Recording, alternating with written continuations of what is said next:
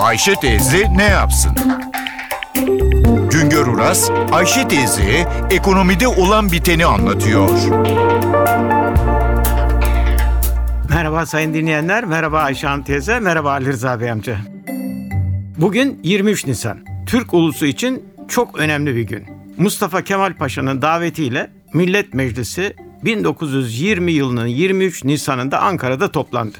Meclis 24 Nisan'da Mustafa Kemal Paşa'yı başkan seçti. Millet Meclisi'nin açılış günü olan 23 Nisan günü 1921 yılında çıkarılan bir kanunla ilk resmi bayram olarak ilan edildi. Kanunda 23 Nisan günü milli bayramdır deniliyordu. 1935 yılında çıkarılan bir başka kanunla 23 Nisan Milli Hakimiyet Bayramı olarak adlandırıldı. Daha sonra Milli Hakimiyet Bayramı'nın adı Çocuk Bayramı oldu.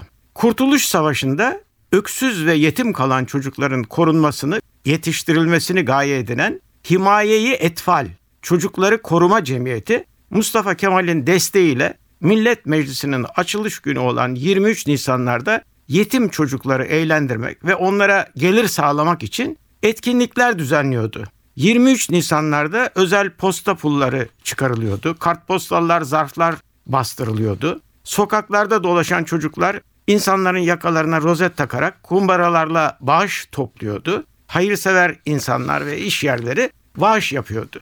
Cemiyet 1927 yılında 23 Nisan'ı Çocuk Günü ilan etti. O yıl 23 Nisan Çocuk Günü etkinliklerine devlet adamları ve halk geniş ölçüde katıldı. Cumhurbaşkanı Mustafa Kemal makam arabalarından birini çocuklara tahsis etti. 1933 yılının 23 Nisan'da çocukları özendirmek için devlet makamları kısa süre çocuklara verildi. İlk uygulamayı Mustafa Kemal yaptı. Cumhurbaşkanlığı makamına bir çocuk oturtuldu. Diğer kurumlar da bu etkinliğe katıldı. 1980 yılında Milli Hakimiyet Bayramı'nın adı 23 Nisan Ulusal Egemenlik ve Çocuk Bayramı olarak değiştirildi. Şimdi geldik bugünlere. Bugün öncelikle Millet Meclisi'nin açılışını ve milli hakimiyeti kutluyoruz. Bu kutlamaları çocuklarımızla birlikte yapıyoruz. Unutmayalım. Bugünkü yaşamımızın temelinde milli mücadele var. Millet Meclisi'nin açılışı var. Milli hakimiyet var. 23 Nisan Milli Hakimiyet ve Çocuk Bayramımız kutlu olsun sayın dinleyenler. Güngör Uras'a sormak istediklerinizi ntvradio.com.tr adresine yazabilirsiniz.